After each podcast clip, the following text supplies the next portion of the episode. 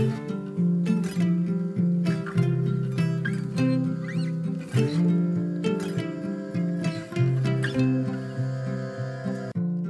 och välkommen till For Health med Anna Sparre!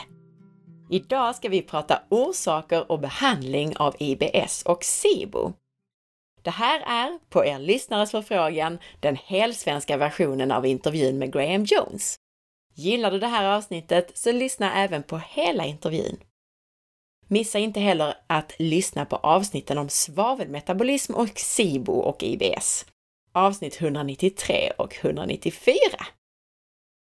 Lär dig använda mikrobiomtester i ditt klientarbete. Linda Rabeck håller i Alpha Plus regi en certifieringskurs i genbaserad mikrobiomtestning. Kursen hålls i februari 2019 och riktar sig till dig som arbetar med hälsa. Läs mer på www.alfaplus.se utbildning. Om du gillar det här avsnittet så blir jag jätteglad om du vill dela med dig av det på Facebook, Instagram eller till en vän. Och gå in i iTunes och lämna en recension av podcasten. Det gör det lättare för mig att få hit intressanta intervjupersoner. Stort tack på förhand!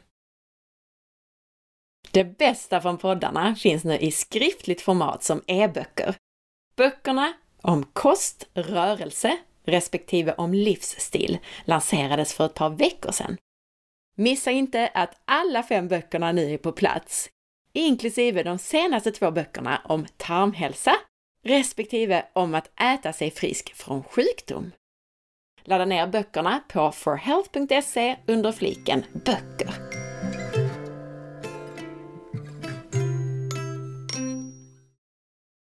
Missa alltså inte att jag också har spelat in avsnitt om den tredje sortens SIBO, vätesulfid-SIBO.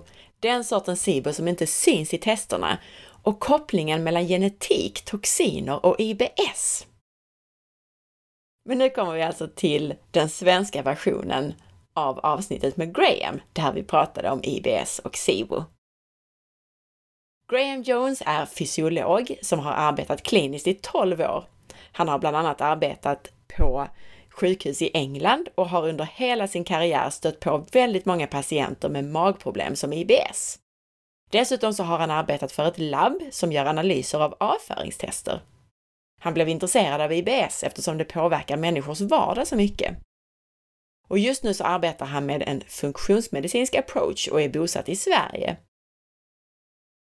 Personligen så diskuterar jag ofta klientfall med Graham när det kommer just till sånt som har med mage-tarm att göra.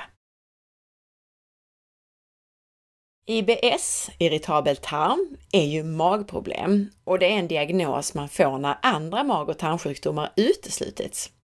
Kriterierna är att man ska ha haft ont i magen eller obehag minst tre dagar per månad den senaste tiden. Oftast mår man bättre efter att man har gått på toaletten och så har man ofta förändrad konsistens, alltså att man är hård eller lös i magen. Eller förändringar när det gäller hur ofta man går på toaletten. Många blir dessutom gasiga och uppblåsta. IBS handlar om en rubbad gut-brain axis, alltså kommunikationen mellan mage, tarm och hjärnan. Det är en diagnos baserad på en samling symptom och det kan bero på en mängd olika saker och man måste ofta titta på flera faktorer samtidigt för att komma till rätta med det. Stress till exempel är ofta en faktor som är involverad i IBS. Men det är inte alltid huvudorsaken till besvären. IBS påverkas av både tarm, hjärna och kommunikationen mellan dessa. Att just stress påverkar IBS beror bland annat på att stress minskar bredden på sammansättningen av tarmfloran. Stress påverkar också motiliteten, alltså tarmrörelsen, vilket kan påverka förekomsten av sjukdomsframkallande bakterier i tarmen. Och dessutom så kan stress påverka tarmpermeabiliteten, alltså vad och hur mycket tarmen släpper igenom. Ofta blir det alltså så att man måste angripa IBS från flera håll och att man måste påverka både tarm och hjärna. Det kan vara en kombination av kost, probiotika, eventuellt antibiotika och eller antibiotiska örtpreparat och stresshantering. Att så många lider av IBS kan bero på en mängd saker. Bland annat att vi generellt får en allt smalare och mer obalanserad tarmflora och att vi är utsatta för mycket stress. Tarmfloran påverkas i sin tur av saker som kejsarsnitt, antibiotika, våra hormoner och av maten vi äter. Och det kan du lära dig massor om i tidigare avsnitt om tarmfloran, såsom avsnitt 44, 46, 51, 128 och 135 till exempel. Graham berättar om hur tarmen och våra hormoner samspelar. Det handlar bland annat om hur hormoner påverkar tarmrörelsen, hur hormoner kan återupptas ur tarmen och hur bakterier i tarmen hjälper oss att omsätta och omvandla hormoner. Graham betonar att det är viktigt att först utesluta allvarliga sjukdomar hos en läkare om du har magproblem. När det gäller hälsotester för IBS så är bland annat ett SIBO-test användbart. En stor del av de som lider av IBS har det som kallas för SIBO, Small Intestinal Bacterial Overgrowth. Och det kan testas med ett utandningstest. Dessutom så är det bra att göra tester av tarmfloran. Avföringstester där man tittar efter hur bakteriefloran ser ut och om man har några patogena bakterier, gästsvamp, parasiter och så vidare. Test av tarmpermeabiliteten är också av värde och ibland kan det vara vettigt att testa stresssystemet och hur vi hanterar stress. Dessutom så kan det vara viktigt att testa sköldkörtelfunktionen eftersom den kan påverka tarmrörelsen och därmed IBS och SIBO. Det är också viktigt att titta på matsmältningen. En del markörer för matsmältningen ingår i de vanliga stora avföringstesterna som man kan göra hos mig eller hos Graham. Att just titta på de här testerna samtidigt, det är ett sätt att få en tydlig bild av hur man bör skräddarsy den individuella behandlingen för en patient. När det gäller själva SIBOn och testerna för SIBO så berättar Graham om de två huvudsakliga typerna av SIBO, nämligen den sorten som producerar metangas respektive den sorten som producerar vätgas. Det handlar alltså om de gaser som bakterierna som du kan få överväxt av i tarmen alltså. De gaser som de producerar i din tarm. Vätgas är associerad med diarré, alltså de bakterier som producerar vätgas. Det ger dig ofta diarré. Och metangas, det är mer associerat med förstoppning. Och det här är också de två gaser som mäts i utandningsluften i just SIBO-tester.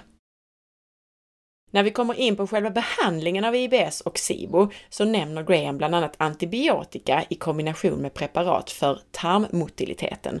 Alltså, det är viktigt att tarmen rör sig som den ska och för maten och mikroberna vidare genom matsmältningssystemet. Han berättar att i vätgasdominant SIBO så finns det antibiotika som kan vara effektiv. Medan i metandominant SIBO så är till exempel allicin, extrakt från vitlök och andra örtpreparat mer effektivt. Det är också viktigt att poängtera att även om man behandlar själva bakterierna som ger SIBO, så är det väldigt vanligt att man får tillbaka besvären om man inte har tittat på den underliggande orsaken till att man fick den här bakterieöverväxten från första början. Det gäller alltså att titta på saker som kost och stress och så vidare parallellt. Ofta krävs det en beteendeförändring för att bli av med sin SIBO eller sin IBS på lång sikt. Och det här gäller särskilt i den form av SIBO som är relaterad till metangas och förstoppning. Då måste man ofta arbeta med det som kallas för Migrating Motor Complex, MMC, och som har att göra med tarmrörelsen och hur tarmen förflyttar bakterier och annat innehåll alltså. Jag ska tillägga att detta och mycket annat som vi pratar om idag förklarar vi alltså i avsnitt 77. Att inte småäta mellan måltiderna och att låta det gå minst 12 timmar mellan middag och frukost kan hjälpa MMC, det här Migrating Motor Complex alltså. Ingefära kan också stimulera det och så stresshantering och stimulering av det parasympatiska nervsystemet och vagusnerven. Graham nämner också kopplingen mellan bakterieöverväxt i form av SIBO och för lite magsyra, alltså ett för högt pH och mer om det kan du lära dig om i avsnitt 188. Jag frågar Graham om upprepade örtbehandlingar kan göra skada på liknande sätt som upprepade antibiotikabehandlingar kan. Och han betonar att ja, det är möjligt att vi påverkar tjocktarmens bakterier negativt och att man inte vill överbehandla, vare sig med antibiotika eller örter. Örter skapar dock inte lika mycket förödelse som vissa av de värsta antibiotikapreparaten. Graham betonar också att den sortens antibiotika som ibland används för SIBO är en relativt snäll antibiotika som inte verkar skapa så stor förödelse av tarmfloran i övrigt. En låg FODMAP-kost som du kan lära dig mer om i avsnitt 76 kan vara en bra kost för att minska IBS-symptom. Graham poängterar att det kan vara en bra kortsiktig lösning, men att det inte är en långsiktig lösning. Om man kör en sån kost under lång tid så finns det risk att mikrobiomet, tarmfloran alltså, tar skada eftersom man minskar på prebiotika, alltså bakteriematen. I SIBO så kan det vara en idé att köra låg FODMAP i kanske tre månader för att minska på maten till bakterierna i tunntarmen. Alltså till de bakterier som vi vill minska på.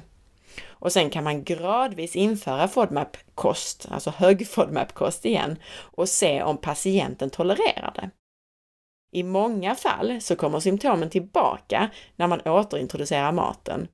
Och det är då man behöver titta på grundorsaken och försöka komma till rätta med problemen på så sätt som vi diskuterar i det här podcastavsnittet. De kostalternativ som kan diskuteras för IBS och SIBO är bland annat en elementärkost. Och en sån kost pratar vi om i avsnitt 77. Den sortens kost används för att behandla SIBO och är lika effektiv som att behandla SIBO med läkemedel eller örtterapi. Men det är inte helt enkelt att genomföra en sån kost. I övrigt så rekommenderar Graham att man ser över kosten i allmänhet och testar att göra förändringar som att reducera spannmål och eventuellt även andra gryn. Att testa att minska på snabba kolhydrater. Att testa att rotera sin kost. Att testa en elimineringskost där man tar bort saker som gluten och mejeriprodukter. Han nämner att en del blir mycket bättre bara genom att ta bort till exempel gluten och att de kanske inte ens behöver gå vidare och göra så mycket tester. Men han säger också att det kan vara en väldigt lång process att testa sig fram med kosten. Det kan ta flera år att komma underfund med vad som fungerar eller inte, medan tester ger snabbare svar. I samband med behandling av SIBO så brukar Graham använda sig av det som kallas för biphasic diet, som vi kommer att förklara närmare snart. Vi pratar också om att bakterier och mikrofloran i tarmen har en tendens att väldigt snabbt anpassa sig till nya förhållanden. Det gör att det kan vara bra att om man arbetar med örtpreparat som behandling, att man roterar de här. Alltså att man använder flera olika preparat som man roterar och ändrar doser av och så vidare, så att bakterierna aldrig riktigt hinner vänja sig. Det finns också mycket annat att ta hänsyn till vid en behandling och det är därför det är viktigt att ha gjort en analys av tarmfloran samtidigt. Alltså inte enbart ett SIBO-test. För i många fall så behöver man använda probiotika parallellt, inte minst om man ser att nivåerna av goda bakterier i tjocktarmen är låga. Vi vill ju inte minska de här nivåerna ännu mer genom att behandla då. Så då måste man ta hänsyn till det och kanske börja med att försöka öka de goda bakterierna i tarmen innan man påbörjar behandling av de bakterier vi vill få bort.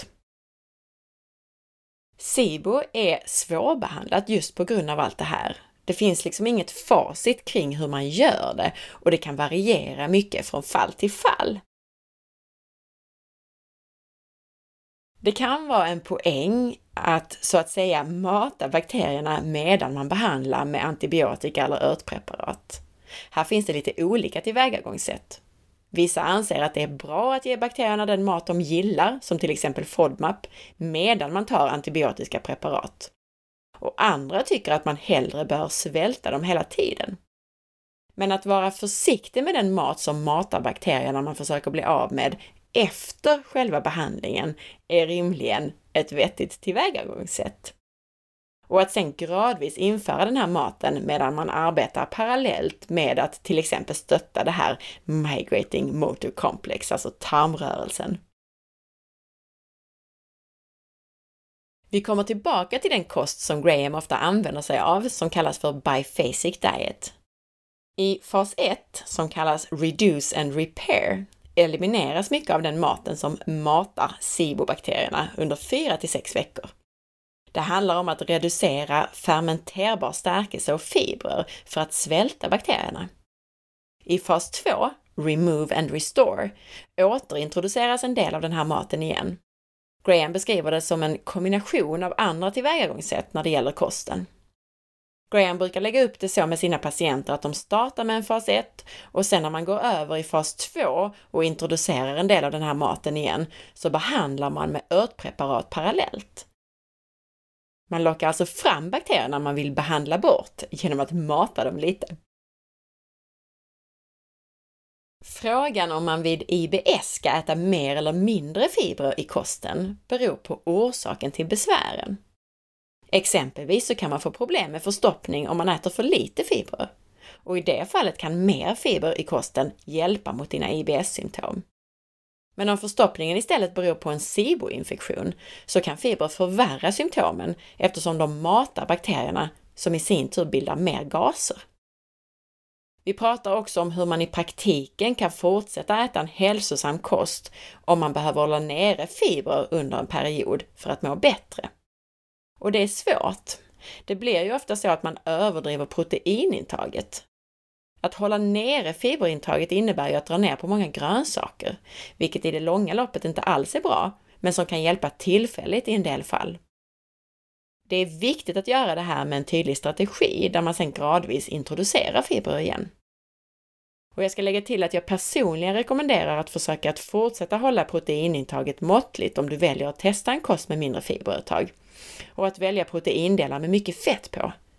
Att utöver detta äta mycket fett i form av till exempel olivolja och kokosolja och liknande. Och att inte vara rädd för att få i sig lite mer kolhydrater från mer fiberfattiga växtdelar under den här perioden. Jag frågar också om Graham har haft god erfarenhet av att inte egentligen behandla IBS och SIBO, utan att testa en fiberfattig kost under en period samtidigt som man arbetar med tarmrörelsen och att sedan återintroducera fiber på ett kontrollerat sätt. Han säger att han alltid erbjuder det här som ett alternativ, att till exempel äta en låg FODMAP-kost, men att han alltid betonar att detta inte är en hälsosam långsiktig lösning eftersom man utesluter mycket mat som är nyttig och viktig för kroppen. Graham återkommer också till den kost som kallas för biphasic diet som han oftast använder för sina patienter. Den är framtagen av Dr. Jacobi. I första fasen så plockar man bort saker som till exempel baljväxter, potatis, sötpotatis, frukt och mejeriprodukter för att svälta bakterierna. Man håller intaget av kolgrönsaker och liknande väldigt lågt. Det liknar alltså en låg FODMAP-kost på många sätt. I den andra fasen så introducerar man själva behandlingen med örter eller antibiotika och lägger då också till en del livsmedel igen.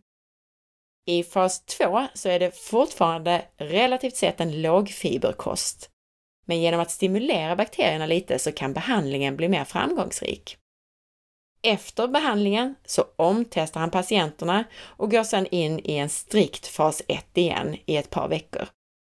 Kommer resultatet tillbaka positivt så får patienten genomgå ytterligare en behandling. Men visar det sig att behandlingen har lyckats så inför man den fiberrika kosten igen långsamt under cirka två månader och är uppmärksam på om något livsmedel ger symptom. Anledningen till att Graham tycker att det fungerar så bra med just den här kosten är mycket för att det är ett strukturerat tillvägagångssätt som är enkelt att förstå och följa för patienterna. Var börjar man då om man lider av IBS? Börja med en diskussion med din läkare. Det är som sagt viktigt att utesluta allvarliga orsaker till dina symptom. Får du en IBS-diagnos så börja läsa på. Gör din egen research och läs på om de möjliga orsakerna till IBS. Att sedan börja testa runt lite själv, trial and error helt enkelt, är ofta en bra start som kan ge en ledtråd till orsakerna till just dina besvär. Att till exempel testa en låg FODMAP-kost ett tag kan ge många ledtrådar om vad som pågår. Att se hur du mår på en lågkolhydratkost med mer fett, alltså någon form av LCHF. Reflektera också över din livssituation. Har du mycket stress? Börja införa 10 minuters avslappning eller meditation dagligen. Forskningen kring meditation och mindfulness är tydlig. Se över alla faktorer, kost, sömn, fysisk aktivitet, stress och så vidare. Stillasittande kan till exempel vara förödande eftersom du inte får den naturliga massage av tarmsystemet som rörelse ger. Graham nämner squats, huksittande här, och du har väl inte missat att lyssna på det allra första avsnittet av podden, avsnitt 1, på just det här ämnet. När det gäller kosten så är oftast ett bra första steg att ta bort spannmål. Graham betonar att det här är en gut-brain axis dysfunktion och att det därför är viktigt att se över alla faktorer som påverkar detta. Men är det så att dina symptom kommer plötsligt, till exempel efter en utlandsvistelse, så är det viktigt att testa dig eftersom du då kan ha fått en infektion av någon patogen, alltså av sjukdomsframkallande mikroorganismer. Har du använt magsyrahämmande läkemedel så kan det här påverka din IBS. Kommer dina symptom specifika dagar i månaden så kan det ha att göra med dina hormoner. Det är alltså viktigt att se över just din situation, att reflektera över och försöka hitta orsaker. Graham kommer troligen att doktorera kring IBS. Han har haft det på gång länge, men det har fått läggas på hyllan nu när han haft mycket att göra med att komma till rätta i Sverige och öppna en klinik i Stockholm. Du hittar Graham via nordicclinic.se. Det finns som sagt ytterligare anledningar till SIBO och IBS som vi inte diskuterade idag, så lyssna även på avsnitten om SIBO kopplat till svavelmetabolismen.